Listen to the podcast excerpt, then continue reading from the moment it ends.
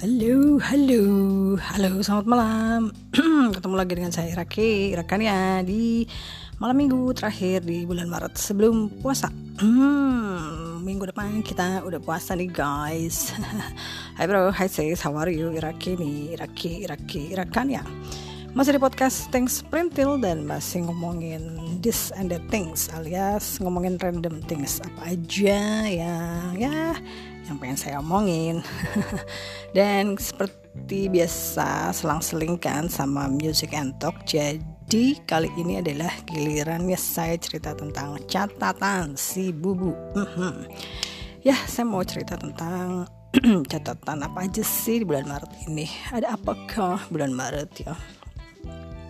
Jadi di bulan Maret ini di minggu awal tepatnya tanggal 9 Maret kita semuanya uh, kehilangan seorang ikon 90-an ya.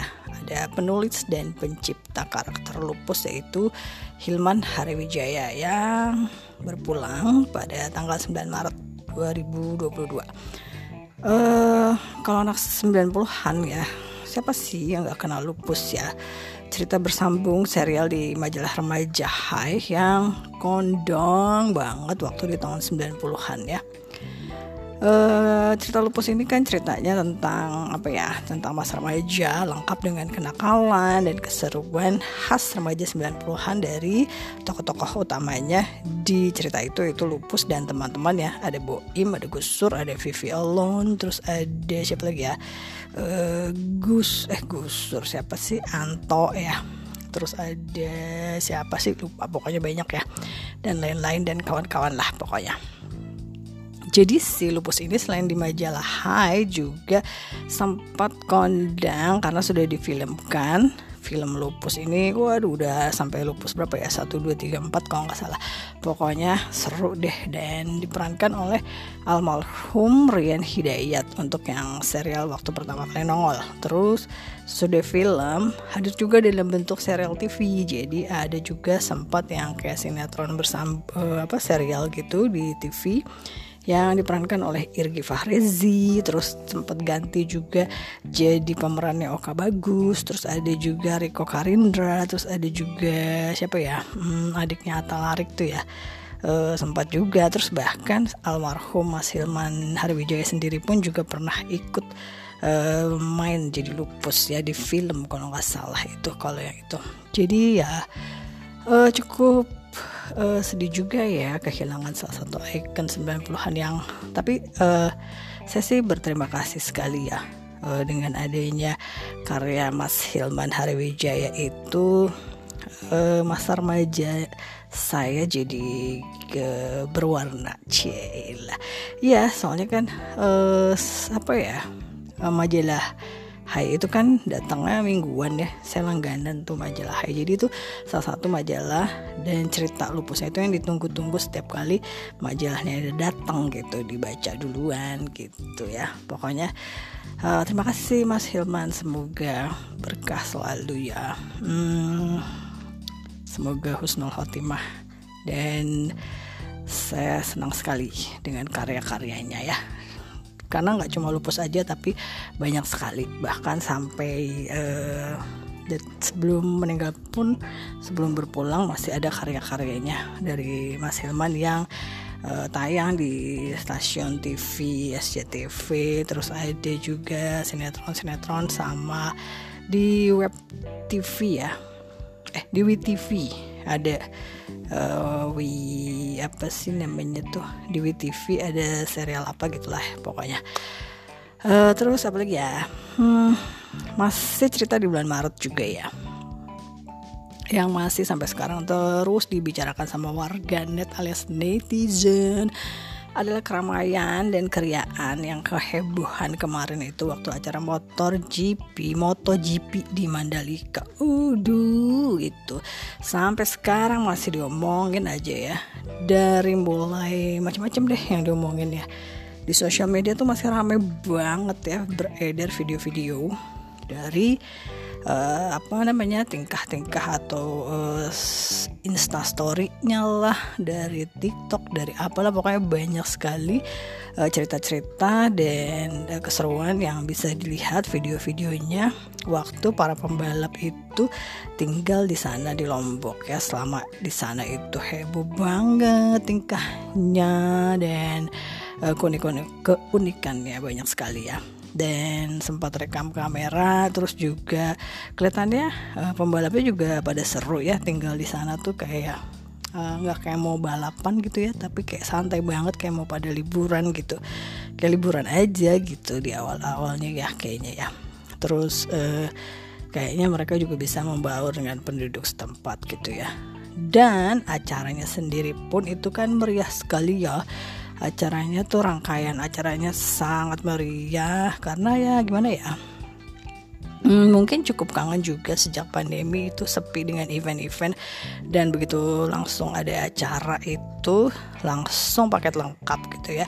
Ada acara olahraga mendunia lengkap dengan uh, apa namanya uh, apa atlet-atlet uh, atau pembalap-pembalapnya yang apa heboh-heboh lah gitu kan. Terus uh, udah acaranya olahraga mendunia terus lengkap juga ada acara konser musiknya dan juga uh, banyak keseruan selama para pembalap tinggal di Mandalika dan juga fans-fans Indonesia yang cukup heboh dengan kehadiran para pembalap di sana dan uh, ya pokoknya seluruh Indonesia happy lah gitu ya Uh, terus uh, ya da daerahnya seperti yang kita lihat juga kan uh, keren gitu ya daerahnya bagus banget gitu dan bangga deh pokoknya uh, jadi apa ya banggalah tinggal di Indonesia dengan negara yang sangat uh, indah pemandangannya gitu kan ya kan? Ya dong masa nggak bangga?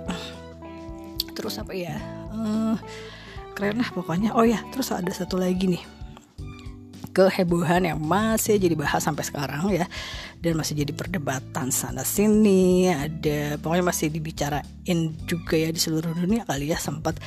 Uh, tapi di Indonesia masih ramai aja nih berdebat sana sini soal hadirnya pawang hujan yang pada saat itu mencoba membuat hujan pergi karena pada hari hanya pertandingan itu harus molor pertandingannya karena hujan gitu. Jadi si pawang hujan ini turunlah sampai ke lapangan gitu ya. Terus melakukan ritual-ritual uh, menghalau hujan gitu ya. Pokoknya heboh banget nih sampai se namanya Mbak Rara ini pawang hujannya kondang sedunia guys. Jadi uh, fotonya pun sempat dipasang di sosial medianya MotoGP ya gitulah pokoknya seru banget sih. Cuman cuman ada yang disayangkan nih dari acara itu ya. Kalau saya sih ngeliatnya aduh uh, apa namanya masih kurang kesadaran dari saudara-saudara kita yang menonton di sana pada masih buang sampah sembarangan ya. Aduh sayang sekali.